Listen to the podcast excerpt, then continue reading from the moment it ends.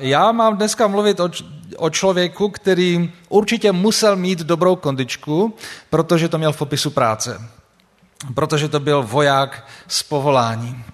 A e, když jste voják z povolání, tak eh, eh, musíte pravidelně eh, dbát o, svůj, o svoji kondičku, musíte dokonce pravidelně dělat nějaké zkoušky. My máme v církvi dva kaplany a tak jsem se jednoho z nich zeptal, jaké jsou vlastně ty parametry, jo, co musí splňovat, tuším, každý rok ehm, a jak se má držet prostě v té kondičce. Tak jsem si řekl, že navzdory tomu, že většina z vás mladých jste dneska už úplně jako e, asi unaveni hodně, teda aspoň ti, kteří hráli hodinama e, fotbal a jiné hry, tak vám dám takový challenge trošku.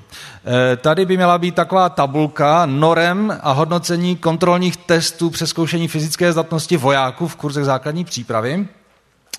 Takže musíte zvládnout nějaké eh, souborné silové cvičení a potom běh na 12 minut. A tam jsou nějaké normy, aby to bylo jednodušší, tak kluci, vy do 30 let, teda no, já bych ještě tu normu zvedl těm do 20 let, ale řekněme, že spadáte do té kategorie, tak já bych vzal ten první sloupeček, co je pod tím nápisem výtečné, tam máte 52 leh 7 a 32 kliků v sporu. Jo? Tak eh, a eh, za 12 minut byste měli uběhnout 3 kilometry. Tak eh, a holky to mají trošku jakoby jednodušší, ty to mají do 25 let, jo, už má trošku snížená, jinak postavená, tak oni musí dělat jenom lechsedy, a běhat taky na 12 minut, takže tady máte taky nějakých 45 lechsedu a 2,5 kilometru a 50 metrů k tomu eh, norma. Takže eh, kluci, chcete si to vyfotit? Já mám totiž pro vás takovou malou výzvu. Kdo, mi, kdo to zvládne a věrohodně mi to doloží do zítra do 4 hodin, tak ode mě má nějakou drobnost. Eh, kdo by to chtěl ještě zkusit. Samozřejmě za podmínky, že nenaruší program, jo? nebude utíkat ze skupinek, nebude rušit účast a tak dále. Tady jsou holky, takže si to můžete vyfotit a kdyby něco, tak ehm, se hlaste zítra ve čtyři hodiny. Kdo toho ještě dneska neměl dost. No já mám vám ale eh, hovořit o, o eh, člověku, který jak jsem už řekl, byl vojákem s povoláním. Jo, a ještě jsem se chtěl zeptat, je tady už teď někdo, kdo ví, že by to chtěl zkusit? Z kluku nebo holek? Já vidím tři ruce, možná jich bude ještě víc, tam dozadu nevidím, jo, docela dost, tak to musím těch drobností nakoupit víc. No. Dobře, dobře, snažte se, budete motivováni vy a i já. Tak, eh, zpátky k tomu biblickému příběhu ze skutků svatých apoštolů. Má mluvit o Kornéliovi. Byl to asi docela schopný, úspěšný voják z povolání, protože ho vyslali na misi do neklidného regionu a to jako setníka italského pluku. To znamená eh, pluku, který pocházel z Itálie. I to jeho jméno to jakoby naznačuje. A on byl tedy výše postavený. Jo? Eh, tak nějak asi vypadali římští vojáci v té době. A eh, ten Cornelius, mimochodem, pěkné jméno. Eh, rád bych poznal, pozdravil všechny Kornele, které znám, i Kornelku, s tou jsme se potkali včera eh, z našeho dorostu. Pěkné jméno. Tak, eh, to jsem odbočil zase k tomu našemu dorostu, ale, ale zpátky ke Korneliovi z knihy Skutku. Byl to člověk, o němž čteme velice zajímavé slovo. V každém případě víme, že to byl pohan. To nebyl žid, nepocházel eh, z, eh, z toho izraelského eh, vyvoleného národa a v kontextu Palestiny té doby se o něm musí říct ještě to, že to byl vlastně reprezentant okupanta. Ano, pořádková síla, by se dalo říct. Ale ten jeho příběh stál Lukášovi za zaznamenání. A my si ho teď přečteme. Já vás poprosím, abyste povstali a přečteme úvod k tomu příběhu. V Cezareji žil nějaký muž jménem Cornelius, setník pluku zvaného italský, člověk zbožný, který se bál Boha s celým svým domem, dával mnoho almužen lidu a stále se modlil k Bohu. Kolem třetí hodiny odpoledne spatřil jasně ve vidění božího anděla, jak k němu vešel a řekl mu, Kornélie. Pozorně na něho pohlédl, ulekl se a řekl, co je, pane? Anděl mu řekl, Tvé modlitby a tvé almužny vystoupily jako připomínka před Bohem. Pošli nyní muže do Jope a pozve jistého Šimona, který se nazývá Petr. Ten je hostem u nějakého Šimona Koželuha, který má dům u moře. Když anděl, který k němu mluvil, odešel, zavolal si dva ze svých domácích sluhů a zbožného vojáka, jednoho z těch, kteří zůstávali věrně při něm, všechno jim vysvětlil a poslal je do Jope. Tolik slov písma. Pane, prosíme, otevíre naše oči na krásu tohoto příběhu a krásu tvých záměrů s námi. Amen.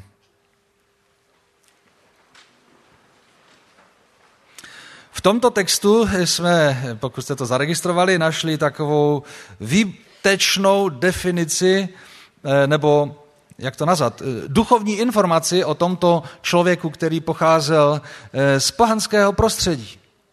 Čteme, že to byl člověk zbožný, který se bál Boha, a to dokonce s celým svým domem. Jo? Staral se o to, že celý ten jeho dům nějakým způsobem toužil po Bohu. A kromě toho dával mnoho almužen eh, lidu, tomu místnímu, a stále se modlil k Bohu. Kdybych to měl vyjádřit eh, slovy, eh, slovy včerejší přednášky, respektive evangelizace, tak bych řekl, no to byla taková do, dobré náboženství a dobré skutky tam byly. Ano? Bál se Boha celým svým dom, s celým svým domem, dával mnoho almužen. To je výborné vysvědčení. Někteří si myslí, že se připravoval na konverzi k židovství.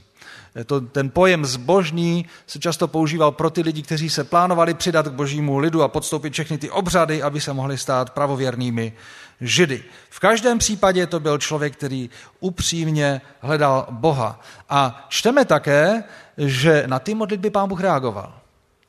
Čteme, že tvé modlitby a tvé almužny vystoupily jako připomínka před Bohem. Jiné překlady říkají, pán Bůh zhlédl nebo přijal tvé prozby, tvé modlitby.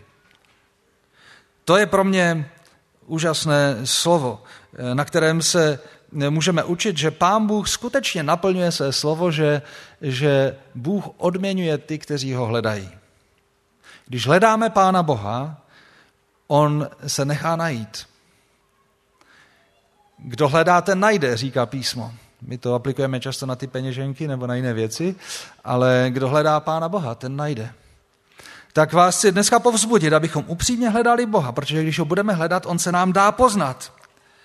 A tak eh, chci znovu pozvat ty z vás, kteří jste možná nikdy nepřemýšleli, že byste měli hledat Boha, ačkoliv když už jste tady, tak asi nějakým způsobem o Bohu přemýšlíte, tak nepřestaňte v tom. Eh, to je celoživotní úkol člověka, hledat Boha. Ne, že by on se schovával, ale hledat ho uprostřed těch našich životních okolností a uprostřed našich životních potřeb. Pán Bůh odměňuje ty, kteří ho upřímně hledají. Jak se pán Bůh dal Kornéliovi poznat?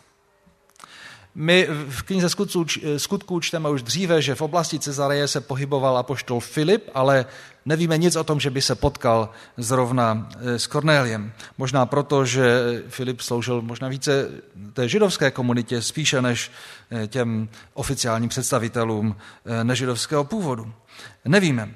Takže z toho, co čteme, spíše se zdá, že Cornelius patří k těm lidem, kteří vlastně začali hledat Pána Boha i bez misionářů.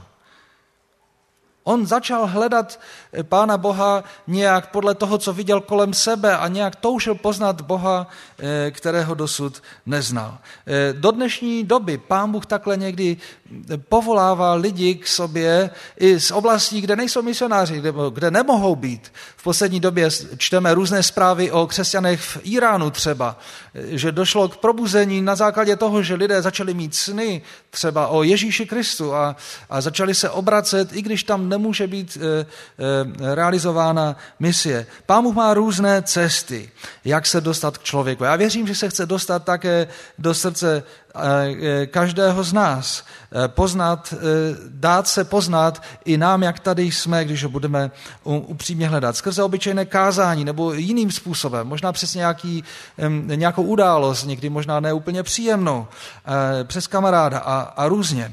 Ale věřím, že když ho budeme hledat, on, on se dá poznat. Nejenom jako Bůh, kterého se máme bát a nábožensky uctívat, a kterému musíme přinášet nějaké dobré skutky, ale také ho poznat jako dobrého otce, který má pro nás mnohem, mnohem více než jenom nějaké povinnosti, příkazy a zákazy, ale jako Boha milosti, který se zjevil v Ježíši Kristu a který také dává plnost Božího ducha. Je zajímavé, že Cornelius nebyl z těch, eh, kteří by dostali pozvánku na X-Camp, jo? nebo na nějakou evangelizaci a teď jako přijeli a tam uvěřili, ale jemu se zjevil eh, pán a říká mu, pozvi si evangelistu domů. A ten evangelista bydlí na ulici T a T, eh, v tom konkrétním domě, v domě, pamatujete se, jak se jmenoval? Šimon Koželuch, čili zpracovatel kůže. A ten dům je u moře. Dodneska vám ukážou, kde ten dům možná stál podle, podle tradice, protože, eh, protože eh, ty, eh, ta místa, o kterých čteme, jsou reálná a teď si uděláme trošku zeměpisu. Kdo si pamatuje z toho textu, tak by mi řekl asi toto. Cornelius se nachází v tom červeném bodíku, já děkuji Google mapám za tuhle možnost, že to takhle můžeme vidět. Cezarea je, řekněme, v té horní části. A ten anděl páně mu řekl, pošli pro Petra, který je v Jope nebo v Jafě. To je dneska v podstatě součást Tel Avivu v Izraeli. To je vzdálenost nějakých 62 kilometrů. Docela přesně bych řekl, protože, eh, jak vidíte i na té mapě, tam je House of Simon eh, the Tamer, tak to je, eh, to je vlastně ten koželuch, jo, ten, aspoň podle tradice. Že 62 kilometrů a my čteme, že Cornelius na tu výzvu zareagoval hned. Pamatujete se, v kolik hodin se šel modlit a pán Bůh se mu zjevil? Ve tři odpoledne, ano, už jsem to zmiňoval při nějaké jiné evangelizaci v jiné souvislosti, že ve tři hodiny se také něco stalo, hned ten první den, že? A ve tři odpoledne on vyslal ty služebníky plus jednoho vojáka a čteme, že druhý den popoledni byli na místě. Jo, to znamená necelých 24 hodin, vlastně 21 hodin měli na to, na 62 kilometrů. Takže pěšky by to bylo 12 hodin, nevím, jestli šli pěšky, možná jeli na koních. A, e, e, ale prostě na tom jsem si uvědomil, že když se Ježíš dotkl srdce Kornélia, tak on zareagoval hned. Nečekal až zítra nebo pozítří nebo tak. Zareagoval hned, protože toužil po živém Bohu.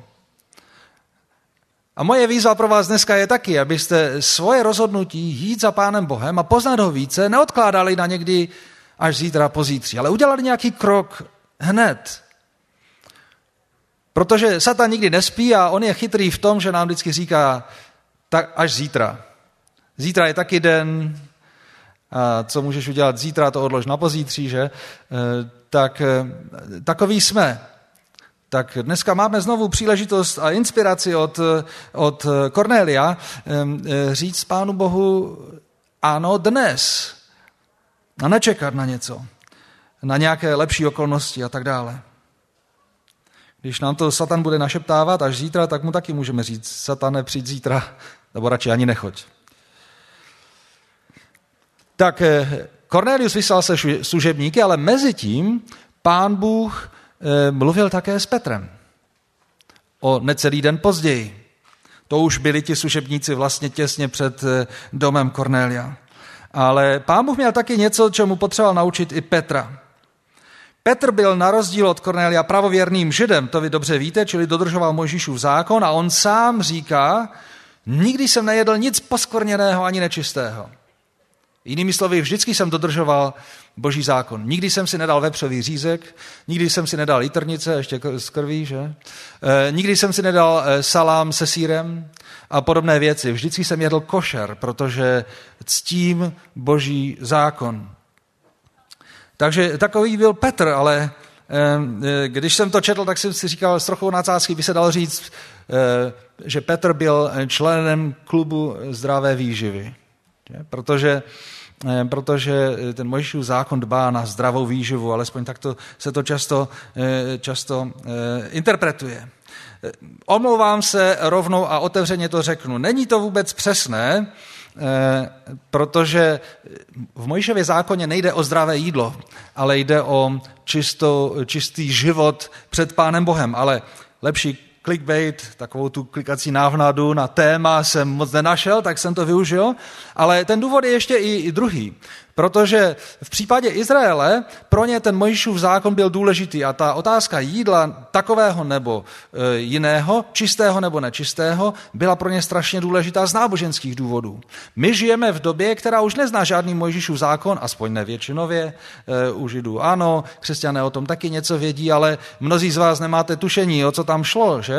E, ale stejně i sekulární člověk si sám pro sebe často tvoří takové Mojžíšové zákony, pokud jde o jídlo. A, ale z jiných důvodů. Právě z těch zdravotních, nebo kvůli kráse a, a jiným věcem. Takže to téma jídla, hm, toho bych se rád dotknul aspoň trošku, protože nás nějakým způsobem ovlivňuje. A někdy má člověk dojem, když se díváme i na televizní programy a tak dále, že jídlo to je skoro nové náboženství.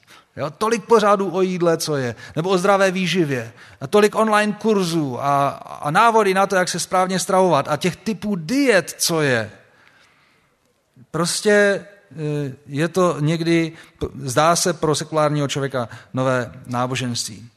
Kdybych to měl zobecnit, tak se zdá, že ta touha spásy a osobního štěstí, smyslu v životě, je často realizována právě přes žaludek. Ať už v tom náboženském, v tom Mojžíšově zákonu, nebo i v tom sekulárním, kde o žádném Mojžíšovém zákonu nebo o Pánu Bohu se vůbec nic nemluví. Ale jo, to, to osobní naplnění prochází žaludkem, by se skoro dalo říct. Extrémním příkladem může být třeba Kim Kardashianová, eh, která podle deníku The New York Times řekla nedávno, hodlám zkoušet cokoliv. Kdyby mi někdo řekl, že proto, abych vypadala stále mladě nebo mladší než nyní, bych musela každý den jíst výkaly, možná bych to udělala. Tak já nevím. Klidně možná ano. Tak možná, že to byla jenom zase reklama, nějaký clickbait z její strany, nějaká póza, aby se dostala do médií, to je taky možné. Nevím, co by dělala, kdyby fakt někdo přišel a řekl, tady to máš. Ale um, je to právě takový extrémní příklad toho, jak je pro nás krása, zdraví a ty tělesné věci důležité a proto přizpůsobíme svůj jídelníček čemukoliv, co nám někdo namluví, že je pro nás důležité a dobré a zdravé. Tak to, bych, tak to bychom mohli mluvit o různých jiných dietách a potřebách eh, nebo, nebo životních nějakých technikách, eh, které eh, člo, člověk rád přijímá, aby svůj život nějakým způsobem vylepšil. Ale ten náš příběh z Bible, příběh o Kornéliovi a teď konkrétně o Petrovi, nám říká, že nejpozději od doby Ježíše Krista naše spása, smysl našeho života neprochází žaludkem. Není to otázka toho, co jíme nebo nejíme. Ježíš řekl, že cesta k čistotě a svatosti nevede skrze čisté a svaté pokrmy, ale skrze posvěcení duchem svatým. Protože nečistí se nestáváme tím, co jíme, ale tím, co z nás vychází. Eh, co vychází z našeho srdce. Ne tím, eh, co vchází do našeho žaludku. A já vím, že mnozí z vás možná bojujete nějakým způsobem i v této oblasti s otázkou jídla. Někteří mají problém možná s tím, že ho jedí moc, jiní zase mají pocit, že by měli jíst pořád méně a už to vypadají skoro nezdravě, ale teď pořád nějaká dieta, ještě mají pocit, že jsou furt tlustí a tak dále. A, a zdá se, jako kdybychom někdy byli jakoby e, vláčeni tou potřebou e, vylepšit to naše tělo a, a přinést mu spásu skrze ten náš žaludek ale tak to nejde. Tím vůbec nechci říct, že je jedno, co jíme. A je dobré dbát rad lékařů, kteří nám řeknou, co je zdravější a co je méně zdravé. Třeba jako když jsme se nedávno mohli dočíst v novinách také, že, že e, kdo si u stolu přisoluje jídlo již jednou solené, zkracuje si svůj život, o kolik myslíte? O dva roky u mužů a o rok a půl u žen, takže ženy mohou trošku více. Můžeme jim to jenom závidět. Takže když na stole nenajdete solničky, třeba tady na obědě, tak, eh, tak to berte jako přání dalšího života jo? ze strany kuchyně. Ale zpátky k našemu příběhu. Jo, zdraví je důležité. Jesme zdravě, ano, ale nebuďme otroky toho jídla. A nesvkládejme v to svoji naději na smysl a na to, že si ten život prodloužíme nějak. No maximálně zemřeš krásnější. A co? Pěknější mrtvola bude. Kéž nám pán Bůh dá dlouhé zdraví. Já to nechci bagatelizovat, ale nemůžeme sebe samé udělat naším pánem Bohem a cestou eh, k pánu Bohu nebo k nějaké prostě naplněnosti našeho života. Zpátky k našemu příběhu, protože on neřeší otázky stravy ani tak, ale čistoty a nečistoty před hospodinem. Eh, Petr najednou vidí vidění. Zrovna v době, kdy v kuchyni chystají košer jídlo. To tam čteme, Lukáš byl podrobný a napsal to tam. A najednou má zjevení. Taková velká plachta z nebe sestupuje a v ní sama nečistá zvířata.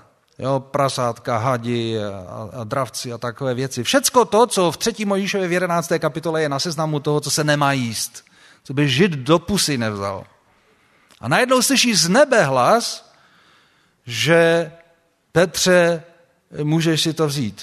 Ber a jes. A on říká, páne, ne, já jsem v životě nic takového nejedl. Ne, ne, ne tak plachta vyjede nahoru zase. Za chvilku zase, jo? Tak třikrát se to zopakovalo. Petr říká, ne, pane, já to nebudu jíst. On to možná bral jako pokušení, rozumíte, jako zkoušku víry. Říká, ne, nebudu, nic takového. Tak nakonec se to zjevení ne, prostě ztratí, ale v tu dobu na dveře klepou ti tři vyslanci z Cezareje. A když Petr otevře, ptá se, co je, tak pochopí, aha, Pán Bůh mi nechtěl říct, co mám jíst a co nemám jíst, ale že se nemám bát jít eh, s těmi pohany. Protože pravověrný žid nejenom, že nejedl nekošer jídlo, on dokonce nešel na návštěvu k někomu, u koho by mohlo hrozit, že dostane šunku se sírem. A nebo nějaký ten vepřový řízek. To riziko tu bylo vždycky velké, protože hostitel při nejlepší snaze nemusel vědět, jak vůbec porazit to zvíře. Rozumíte, židé mají úplně přesné předpisy, jak se má porazit to zvíře, které potom můžete čistě, košerně eh, konzumovat. Takže protože ta jistota nebyla, tak prostě se na návštěvy eh, jakoby nechodilo, aspoň pravověrní židé ne. A najednou Petr cítí, že, že ho pán Bůh volá, aby šel zjistovat Ježíše Krista také mezi pohany. A teď pochopil, aha, tak to znamení, které jsem viděl, eh, tak to znamená, že mám mít zjistovat evangelium k těm, kteří možná jsou nečistí. A hrozí tam, jakoby, že se znečistí. A říká, nyní chápu, že Bůh nikomu nestraní. Klíčové slovo a moc hezké. Bůh nikomu nestraní. Není jenom na straně židů a ten zbytek ho nezajímá. Ale v každém národě je mu milý ten, kdo se ho bojí a činí spravedlnost. To je zase krásné slovo, že pán Bůh se dívá i na tu, na tu zbožnost možná nedokonalou těch, těch pohanů, ale přijal to a reagoval na to tím, že jim dává ještě krásnější zjevení. Nám to možná tak nepřijde, ale tato událost je dokladem epochální změny kterou přináší boží milost. Pro nás je to samozřejmé, že můžeme jíst ten řízek a že to nemá žádný vliv na evangelium a podobně. A že evangelium je pro všechny národy, nejenom pro židy. Ale tehdy to samozřejmě vůbec nebylo. Předpokládalo se spíše, že když se chcete stát křesťanem, tak se musíte nechat nejprve obřezat, začít dodržovat židovský zákon, čili stát se židem a potom možná můžete být i křesťanem. A někteří křesťané si to dodnes tak myslí, že by to tak možná mělo být. Alespoň s tím jídlem. Dnes, kdybych to měl aplikovat na eh, tu naši situaci, tak by někteří z vás mohli pomyslet asi tak, že si řeknou, no já nejsem z křesťanské rodiny a ti z křesťanské rodiny to mají lepší. Ti mají větší protekci u Pána Boha. Někdy to lidé řeknou, tak pane faráři, vy se za mě pomodlete, vy k tomu Pánu Bohu máte blíž. Ale Bůh nikomu nestraní. Bůh nikomu nestraní. Tak se nemusíš bát k němu přijít, ať už máš jakékoliv zkušenosti a jakýkoliv, jaký, jakákoliv je tvá minulost nebo původ. Tak Petr teď šel zvěstovat to evangelium, které, jak už zjistil, bylo pro každého. Jak pro bezbožného, no, nebyl bezbožný, ale s původem pohanského Kornélia, ještě k tomu vojáka okupační eh, armády, tak bylo i pro toho původem rybáře prostého eh, Petra. Ale já bych chtěl teď eh, spolu s vámi ještě se podívat na to, co to evangelium vlastně je. Co jim tam ten Petr říkal? A já už jsem to naklikl, teď takový obrázek, eh, protože chápu, že jste unavení, je tu taková příjemná tma, že dobře by se mohlo usnout a možná už někteří blaze spí, tak doufám, že budou mít andělské sny, že pán Bůh fakt bude mluvit a prostě je probudí k nějaké velké misi, tak eh, já možná nebudu zvyšovat hlas, ať pán Bůh může mluvit hlasitěji, ale Eh, ale eh, já bych teď přečetl ten text. Já ho budu číst, nebudu vám ho eh, dávat tady na to plátno. Ale dal jsem tady obrázek, který někteří z vás možná znají z učebnice pro konfirmandy. Pamatujete si to někdo? Tak jenom ze zvědavosti, možná to někdo si připomene. To je takový nákres stručných dějin spásy, respektive života Ježíše. Jo? Ten, který vstupuje na tu zem a potom eh, pokračuje jeho příběh. Eh, ten diagram eh, není šitý na míru tomu mému textu. Tak vás budu prosit, abyste poslouchali to, co já budu číst. Já budu číst ze skutku z 10. kapitoly 38. až 43. verš a vy zkuste ty události, o kterých budu číst, někam na, tu, na ten diagram zařadit. Ano, některé tam nebudou znázorněné, ale myslím, že si poradíte. Aby tam čteme tak. Bůh pomazal duchem svatým a mocí Ježíše, toho z Nazareta, jenž procházel zemí, činil dobře a uzdravoval všechny, kteří trpěli pod mocí ďábla, protože Bůh byl s ním. To už káže Petr celé domácnosti Cornélia zhromážděné v Cezareji. A Petr pokračuje a říká, my jsme svědky všeho, co učinil v té krajině Židů a v Jeruzalémě a oni ho pověsili na dřevo a zabili. Bůh jej však třetího dne probudil z mrtvých a dal mu zjevit se ne všemu lidu, ale svědkům předem Bohem určeným, nám, kteří jsme s ním po jeho skříšení z mrtvých jedli a pili. A nařídil nám, abychom lidu vyhlásili a dosvědčili, že on je ten Bohem ustanovený soudce živých i mrtvých. Jemu všichni proroci vydávají svědectví, že skrze jeho jméno přijde odpuštění hříchů. Přijme odpuštění hříchů každý, kdo v něho věří. Petr vypráví velice stručně celý příběh Ježíše. Já si myslím, že ho Lukáš ještě zkrátil z redakčních důvodů, eh, protože předpokládám, že to kázání bylo asi delší. Ale Lukáš tady zachytil základní body. A to je dobrá inspirace i pro nás, co, co eh, je vlastně evangelium, jak ho vyjádřit. Petr popisuje, kým je Ježíš, co udělal a vyjmenovává základní věci, že byl Bohem pomazaný a že skrze něho pán Bůh přinesl pokoj a že učil, že vykonal mnohé velké skutky. To je taková ta jenom čárka, nic moc tam ta na tom diagramu nemáme eh, z té doby, ale Ježíš se ho používal, pán Bůh si Ježíše používal, aby, aby vykonal velké věci. A, ale potom ho pověsili na dřevo, zabili ho, ukřižovali ho. Ale on vstal z mrtvých. A co tady dále čteme, že Pán Bůh ho ustanovil soudcem živých i mrtvých. Podívejme se na to ještě jednou trošku jinak. A já bych z celého toho evangelia, které Petr používá, vypíchl právě ty, řekl bych, typické věci pro tento rozhovor a pro toto zjistování. Petr tady vypichuje myšlenku, že Ježíš bude soudcem. Ježíš bude soudcem živých a mrtvých. Pro mě už i toto slovo je evangelium. Vy se můžete ptát, proč, ale, ale proč? No, je krásné si uvědomit, že Ježíš bude soudcem. To znamená, že mým soudcem nebudou lidé kolem mě. Nebudou to ti, kteří se dívají, jestli jsem štíhlý nebo tlustý, nebo zdravý, nezdravý, jestli mám kondičku, nemám kondičku, jestli jsem výkonný, ne, nejsem výkonný, jsem úspěšný, mám peníze, nemám. Jo? Nebudou to lidé, kteří mě nakonec budou soudit, ale bude to Ježíš Kristus. A jeho parametry budou klíčové. A, a dokonce, když je řečeno, že Ježíš bude soudcem, tak to nebudu ani já, kdo bude posuzovat svůj život. Ale on ho bude posuzovat. Tak se mohu učit, jak on posuzuje můj život a potřebuji se učit, jak on se dívá na můj život. To je klíčové a důležité.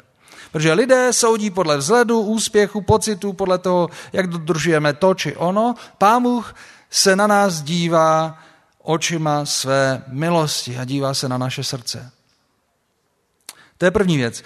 E, a důležité je také si uvědomit, že je soudce živých i mrtvých. Někteří lidé si myslí, že pán Bůh bude soudce jenom po naší smrti, jo? že zemřeme a, a vlastně to už bude jedno. My budeme mrtví, tak ať si soudí, jak chce. Ale tady je řečeno, že je soudcem živých. Teď posuzuje tvoje srdce. Teď se dívá do tvého srdce a vidí všechno, co jsi udělal. Co jsi nalhal, co jsi prostě nare, eh, nadělal na různých rebelích vůči Pánu Bohu i lidem, eh, vidí do toho, jak si zklamal, jak si, jak si prostě překračoval eh, to, co je dobré pro tebe i pro druhé lidi, jak si kazil svůj vlastní život, on to vidí a posuzuje.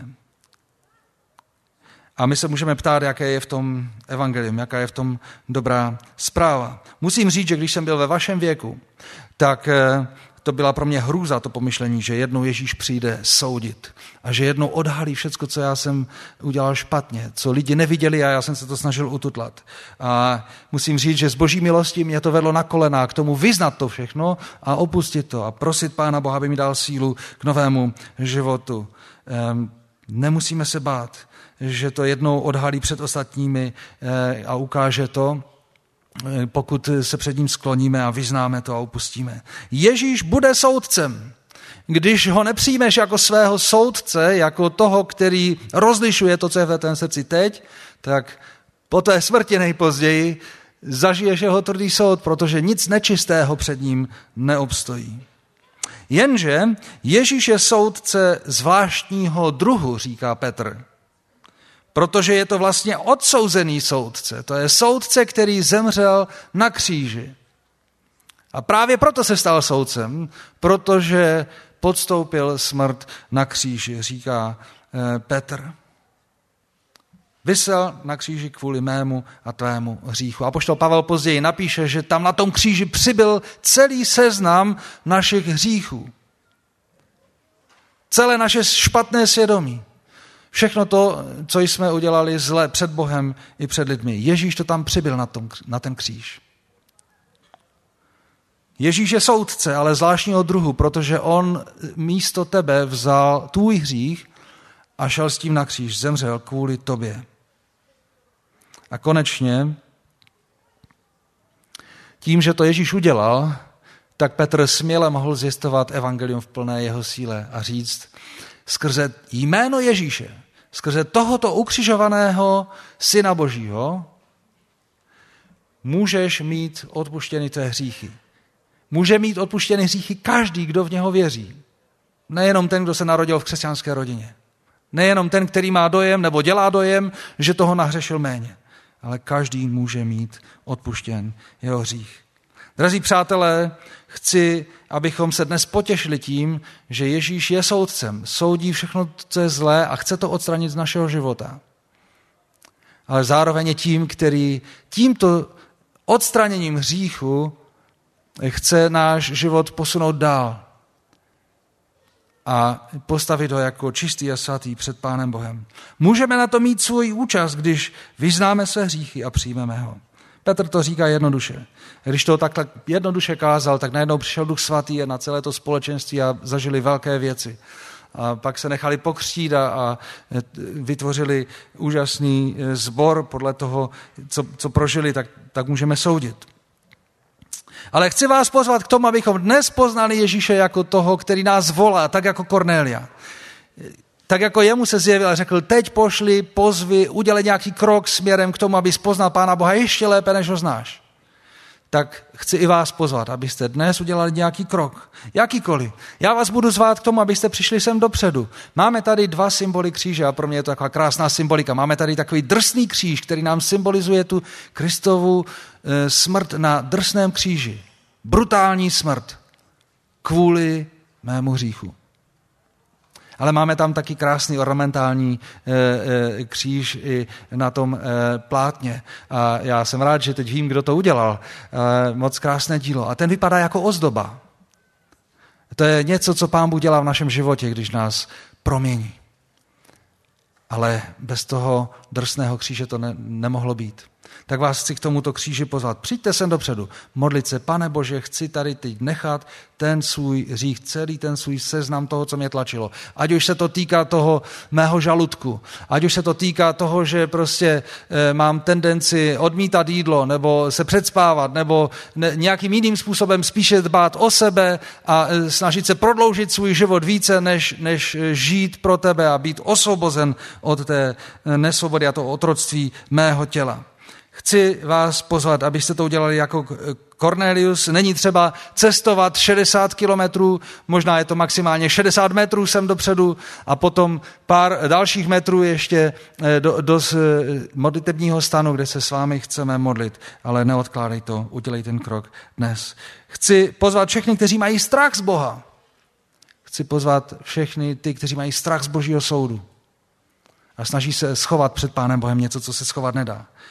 Chci pozvat všechny, kteří jsou nějak svázáni jinými způsoby.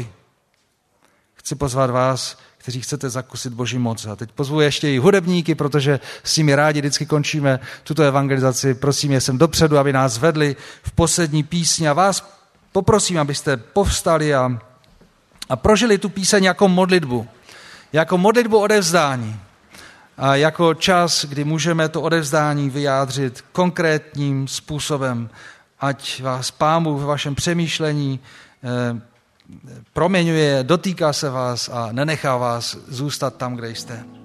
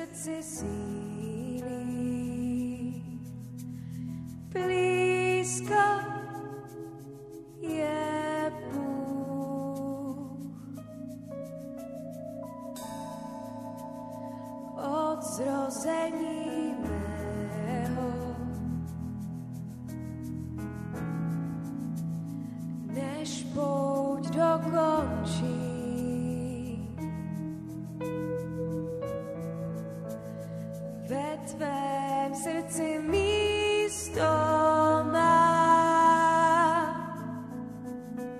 Čím Bože odděčit se má za ten převzácný dar, nový život vím, viny mé vzal si na kříž, trpěl si sám.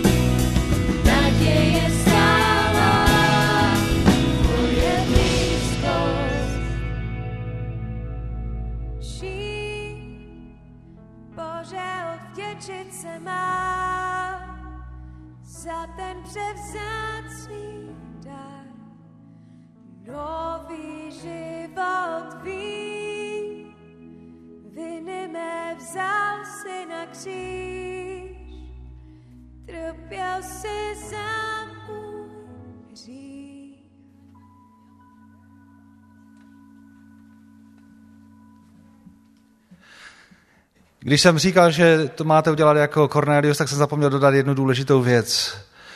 Je tam jeden velký rozdíl. Cornelius vyslal služebníky a vy máte přijít sami. Tak pokud jste někoho posílali a on si to rozmyslel a nedošel, vyšlete ho ještě jednou. A nejlépe přijďte sami. Ten modlitební stan vzadu je pro vás. Přijďte, chceme se spolu modlit. Chci vás pozvat, abyste vzali někoho sebou třeba, pokud máte strach.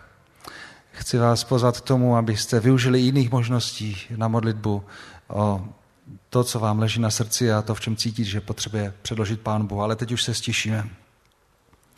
Svatý Bože, chci se přimlouvat za ty, kteří teď ve svém srdci bojují. Za ty, kteří se možná bojí rozhodnout pro tebe, protože mají strach, že je o něco okradeš. Že mají strach, že budou muset něco nechat. Chci tě prosit, aby se přesto dotýkal jejich srdcí a vedl je k tobě. Vedl je k poznání toho, že jedině v tobě je naše naděje. Jedině díky tvému kříži můžeme žít nový život. Smiluj se, pane, nad všemi, kteří teď slyšeli tvoje evangelium. Dej nám všem sílu na něho správně reagovat ve jménu Pána Ježíše Krista. Amen.